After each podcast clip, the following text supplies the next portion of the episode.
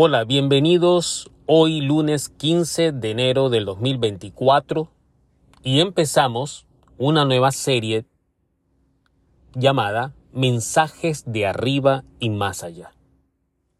Si ya escuchaste el episodio anterior de Nueva Programación, tú sabrás cuál es la esencia de esta serie. Hoy tengo el título de Una vida con ritmo.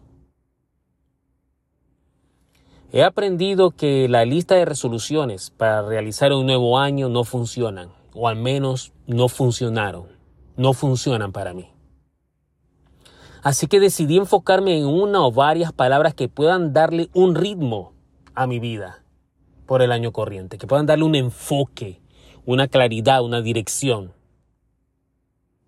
De entre tantas palabras, por supuesto, pedí ayuda divina por dirección, porque no quería arriesgar a escoger un ritmo que no pudiese lidiar con. Así que la palabra del 2023 fue estructura estructura. Y durante ese año trabajé en derrumbar viejas y débiles estructuras internas que tenía, con las cuales no pude construir mis sueños en su totalidad. Esas estructuras me hicieron tambalear ante cualquier conflicto, ante cualquier desafío, ante cualquier tentación. Eran estructuras débiles.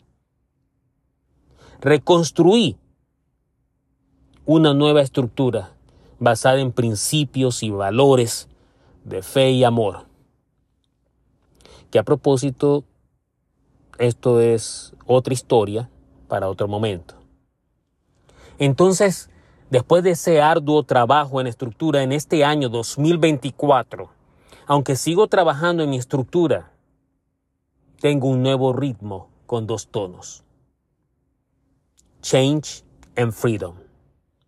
Cambio y libertad. Hace mucho sentido, como una mezcla buena de ritmos ejecutada por un buen DJ.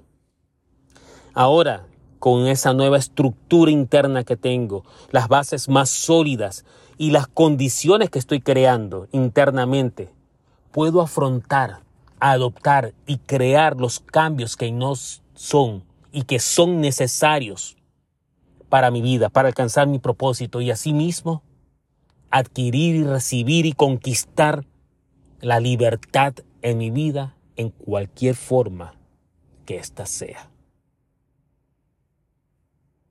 Cambio y libertad. Déjame saber si tú ya tienes las palabras que van a marcar un ritmo en este 2024 para ti. Y si no has practicado, haz este ejercicio porque puede tener un impacto positivo en tu vida